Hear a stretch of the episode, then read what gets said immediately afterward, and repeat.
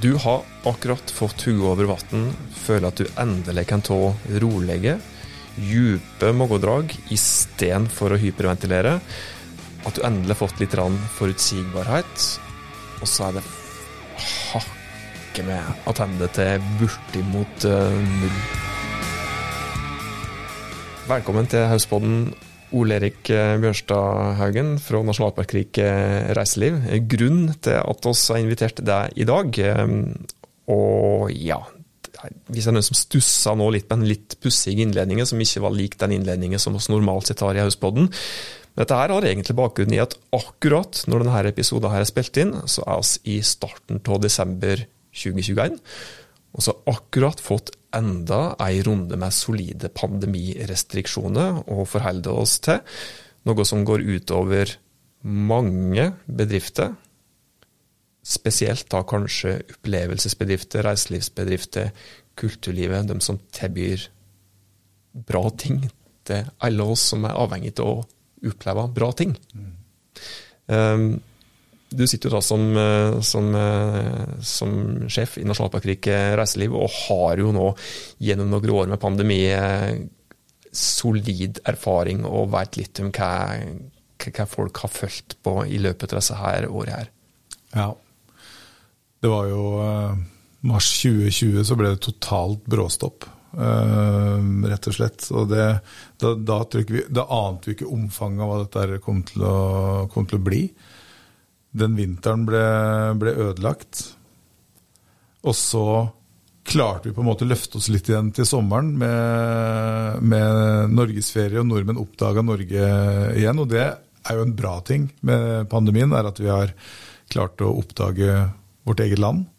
Eh, litt sånn panisk var det første året med Alle skulle overalt. De hadde to uker, de skulle farte gjennom hele Norge, liksom. Som om det var den eneste sjansen du hadde til å oppleve Norge. Eh, men det ble jo en skikkelig opptur for reiselivet. Det var jo det som var problematisk, var at en klarte nesten ikke å levere nok eh, mat og sånt, for det ble så mye. Og en annen ting er at Nordmenn betaler jo villig for oppholdet sitt og kjøper mye tillegg, og det har vi oppdaga. Og så ble det nok en nedtur igjen uh, etter det. Og så tenkte vi at ja, ok, nå kanskje klarer å normalisere seg litt. Så kom det en vaksine. Og så kom jula, og det var jo en grusom jul, da. Det var, det var virkelig sånn derre uh, Bli sittende aleine og eh, ingen bedrifter uh, kunne ha åpent og den biten der. Og så ble jammen vint nummer to ødelagt også. Um, ja, da mister du litt sånn uh, motet. Det var en del uh, bedrifter som var sånn der ah, Hva gjør vi nå? Og så var det litt oppblomstring igjen da, til sommeren uh, 2021. Norgesferie igjen for nordmenn. Det vi oppdaga, var at uh, det fanga nok nordmenn litt tidligere og begynte å planlegge litt bedre tid. De skjønte at det bare dukke opp her i juli f.eks., det var ganske håpløst, for da var det fullt, rett og slett. Um, og det ble bra oppsving. Det var jo sånn at sommeren 2020-2021 for uh, ganske mange bedrifter ble så bra at det kompenserte litt for det dårlige, dårlige vinteren. Um, og da så vi lyst på det, og så skulle vi åpne igjen. var det 25.9. Da var liksom eh, Norge fristilt eh, fra alle restriksjoner. Så, kom, så kommer det igjen fra sidelinja eh, på nytt. Og da er det sånn derre ah, Er det mulig? Hvorfor tåler vi dette her? Og det, det er greit, vi er vaksinerte, og så sier de at dose nummer tre det skal liksom eh, booste oss uh, igjen til at vi håndterer det. Men saken er at nå har vi jo fire uker med relativt inngripende restriksjoner. Uh, nå er det sånn at uh, I Nord-Gudbrandsdalen så er det mange som er stengt. Men vi ser jo det at uh, julebord og en del sånne tilstelninger som, som mange skulle hatt, det blir jo avlyst, og folk avbestiller. Uh, og jeg veit jo at for mange så er jo julebordsesongen viktig, for at da selger du såpass mye ikke sant? at du tåler å gå en litt sånn uh, roligere tid i møte. Forsvinner det, da? Og så er det jo restriksjoner som varer til over nyåret nå. Og vi aner jo ikke hva som skjer da. Uh, og folk skal da begynne å planlegge igjen. Mange åpner i februar. ikke sant? Ok, Hva skal vi gjøre? Hvor mange folk skal vi sette inn i arbeid? Hvor mye råvarer skal vi bestille? Blir det alkoholservering? Blir det ikke det? Det er mye som uh, blir usikkert. Og En annen ting er jo at det tåler de som er ansatt i reiselivet, hvor lenge gidder de å jobbe der? da? Når det blir sånn stopp og stopp og stopp. Det hva er det sier for En blues tar aldri slutt. Da må da pinadø snart ta den siste akkorden. det, er, eh, det, er, litt fortvila, fortvila, opplegg. Nå har ikke jeg fått kjent på hvordan uh, pulsen er blant uh, medlemsbedriftene nå, men jeg veit at dette kommer til å påvirke også vinteren uh, 2022. Nå veit jeg ikke når folk hører på denne episoden, her, men jeg tenker at det er tidsaktuelt uansett. Men akkurat nå, den usikkerheten som er der. altså Det må jo være helt forferdelig å føle på når det er den nye runde her ja. igjen. Og, og usikkerheten jo, har jo ikke noe datostempel, for å si det sånn. For den veit jo aldri når eh, ting endrer seg. Men øh, den usikkerheten er, uh, er, kritisk, rett og slett.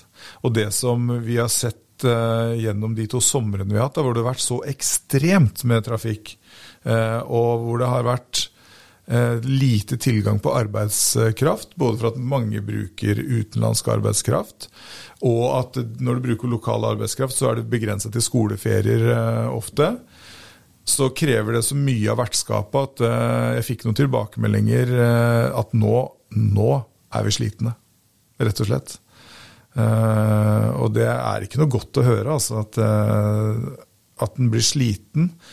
Eh, hva gjør den da med å utvikle produktet? Hvor mye kapasitet har du da til å uh, tenke ut nye ideer? Og orker du å tenke ut nye ideer, for at du aner ikke hva som skjer rundt neste sving? Uh, det er jo kanskje det som er det problematiske nå, at når vi går på liksom den tredje eller fjerde runden, så er det sånn åh, ok, vi er i gang igjen, liksom. For etter første runde så, så tror jeg det var mange bedrifter som snudde seg rundt og tenkte ok, da må vi utvikle produktene våre. Vi må bruke tida her nå til å få kvaliteten opp på det vi leverer. Og mange klarte det også. Hinsæter f.eks. De tok I Sjodalen de tok et, et valg og gjorde under pandemien en ganske stor oppussingsjobb og da er det ikke for å øke kapasiteten, men rett og slett for å redusere kapasiteten, men øke kvaliteten på produktet, slik at folk eh, vil betale mer for det. De slo sammen flere rom og lagde, lagde sånne suiter. Um, og det ser ut til å ha vært uh, gått bra, det. Uh, flere har sett på type samarbeid Um, og noen har latt seg altså kurse og inspirere. Um, på Høvringen så har du jo Pål Erik Skaugen, um, fjellfant som han kaller seg sjøl, som har brukt tida på å utvikle nye konsepter rundt det med bærekraftig overnatting i uh, fjellheimen, med produkter som folk betaler godt for, uh, og som har en bra kvalitet. da. Så det kan hende at eh, fordelen med dette er jo at vi har fått opp kvaliteten. Men det får da være en måte på hvor lenge vi skal tyne disse stakkars reiselivs, eh, reiselivsbedriftene. Altså Det er mange bedrifter i egentlig mange ulike bransjer som har brukt tid bra da, på å rigge seg for framtida og utvikle produktene sine, mm. men som da òg parallelt ikke nødvendigvis det er ikke alle som har fått så mye økonomisk oppbacking fra andre, men som da måtte tære på egenkapital. Da. Og det er jo, må jo være grenser for hvor mye egenkapital det er å tære på ute hos de ulike bedriftene. Ja, og det, det, er riktig, og det er det som er problematisk. At uh, oppi her da, spesielt så er det så mye små bedrifter, og så er det mange bedrifter som også eier både bygningmasse sjøl og den biten der, og faller uh, mellom to stoler når det gjelder kompensasjonsordninga.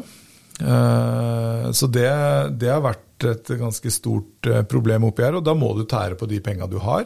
Og når du tærer på de penga du har, så har du ikke økonomi til å uh, utvikle produktet ditt. Så det blir en sånn litt ond spiral, det her. Um, det, men det er ikke sant Hvordan er motivasjonen nå da på en ny runde å bruke tida til å liksom, ja, ja, jeg fikk en ny sjanse til å utvikle produktet mitt. Jeg tror ikke de tenker det akkurat nå, altså. Så det er, det er, um, det er veldig trist. Og sant, den kompetansen som vi risikerer forsvinner. Vi ser jo nå hvor mangel mangel har vært på kokker, f.eks. For, eksempel, for det finnes nye uh, arbeidsområder. Uh, starter med catering. altså De har, har rett og slett fått seg nytt arbeid vanskelig å, å skaffe de.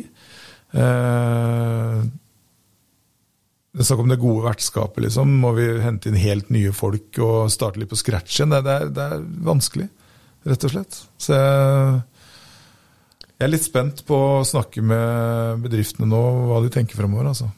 Går det an å ta på seg omsorgspersonrolle her nå, da? Og gjennom trøstens ord til, ja, la oss nå si ja, det kan jo være, det kan jo være trubaduren, det kan være julebordsduoen som har november og desember som en kjempeviktig sesong. Det kan være dette hotellet som nå brenner inne med et hardt tonn med pinnekjøtt og ribbe og 1000 liter med øl på fat som de ikke har mulighet til å få omsetning på.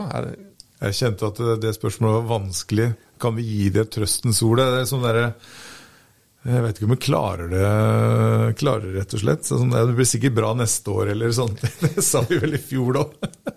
Så nei, det, det som er viktig, er at uh, de som driver i reiselivet, er så viktige folk. Og for Nord-Gudbrandsdalen så er reiselivet så viktig, så jeg bare vær så snill, ikke gi opp.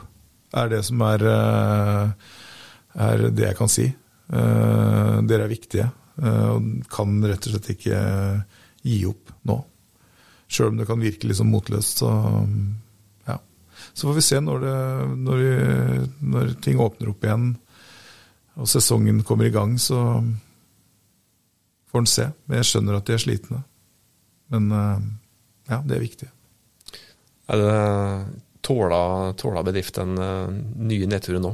Jeg veit ikke. Det, det veit jeg rett og slett ikke. For at de har måttet tåle så utrolig mye at uh, nå har ikke jeg oversikt på hvem som kan risikere å gå konkurs, eh, eller hvem som bare gir opp. Eh, det veit jeg ikke nå. Så det, med, det, må vi rett og slett uh, snakke med de. Og det tror jeg kanskje er en av de viktigste tingene vi som destinasjonsselskap kan gjøre, er å snakke med bedriftene våre og prøve å hjelpe dem så godt vi klarer, i hvert fall.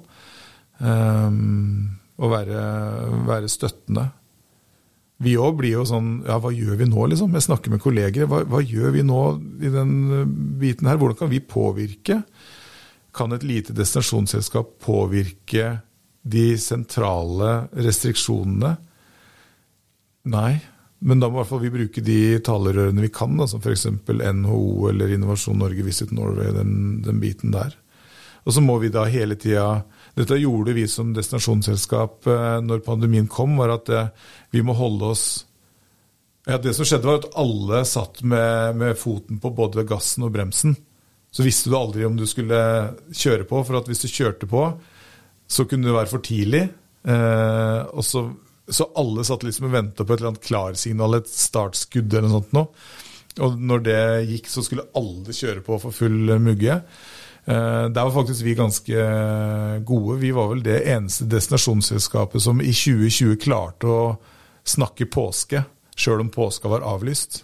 Fordi vi lagde sånt der eh, Instagram-filter som var sånn brilleskille. Når du ikke kom deg på fjellet, så kunne du i hvert fall få det på, uh, i fjeset ditt gjennom Instagram. Uh, som ga oss litt sånn blest. Og det, det, det, er der jeg tenker at destinasjonsselskapene er viktig for å holde Sitte og passe på hele tida når, når, kan vi gjøre, når kan vi ikke gjøre de tingene? Når runde to kom, så fant vi ut at nei, vet du hva, hvis vi skal være gøyale nå, som vi var liksom første, det kommer ikke til å slå spesielt bra ut denne gangen her, for da var folk lei. Uh, så ja. Men jeg håper jo at dette er At det blir kortere og kortere restriksjoner, og at det blir færre og færre restriksjoner, og at vi de sier jo det at vi må bare leve med dette her.